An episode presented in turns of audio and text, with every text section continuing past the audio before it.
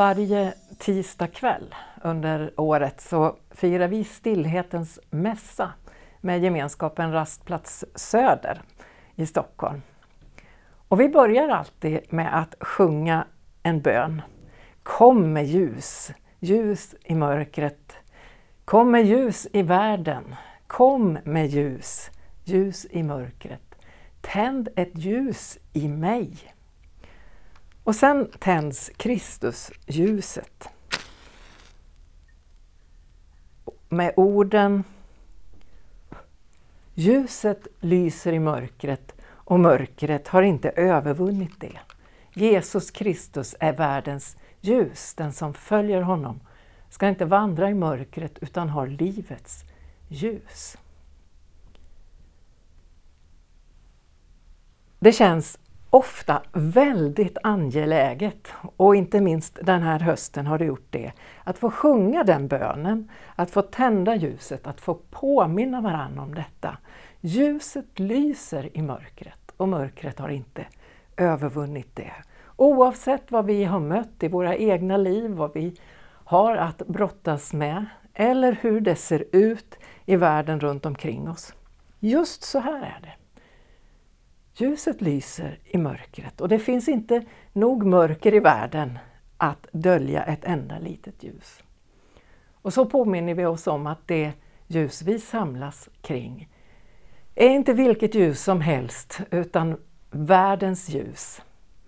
Det som ger alla människor ljus. Sen firar vi nattvard, en enkel nattvardsgudstjänst. Och där får man komma fram till Jesus med allt det som är. Och det är, tänker jag, att liksom få ta det som är smärtsamt och det som är helt underbart och lägga det i sina tomma händer. Så går man fram och får sträcka de här händerna fram och säga här är mitt liv, här är vårt liv. Och så läggs nattvardsbrödet tillbaka i min hand och det är som att Jesus säger Ja, här är mitt liv. Här är vårt liv. Ta och ät.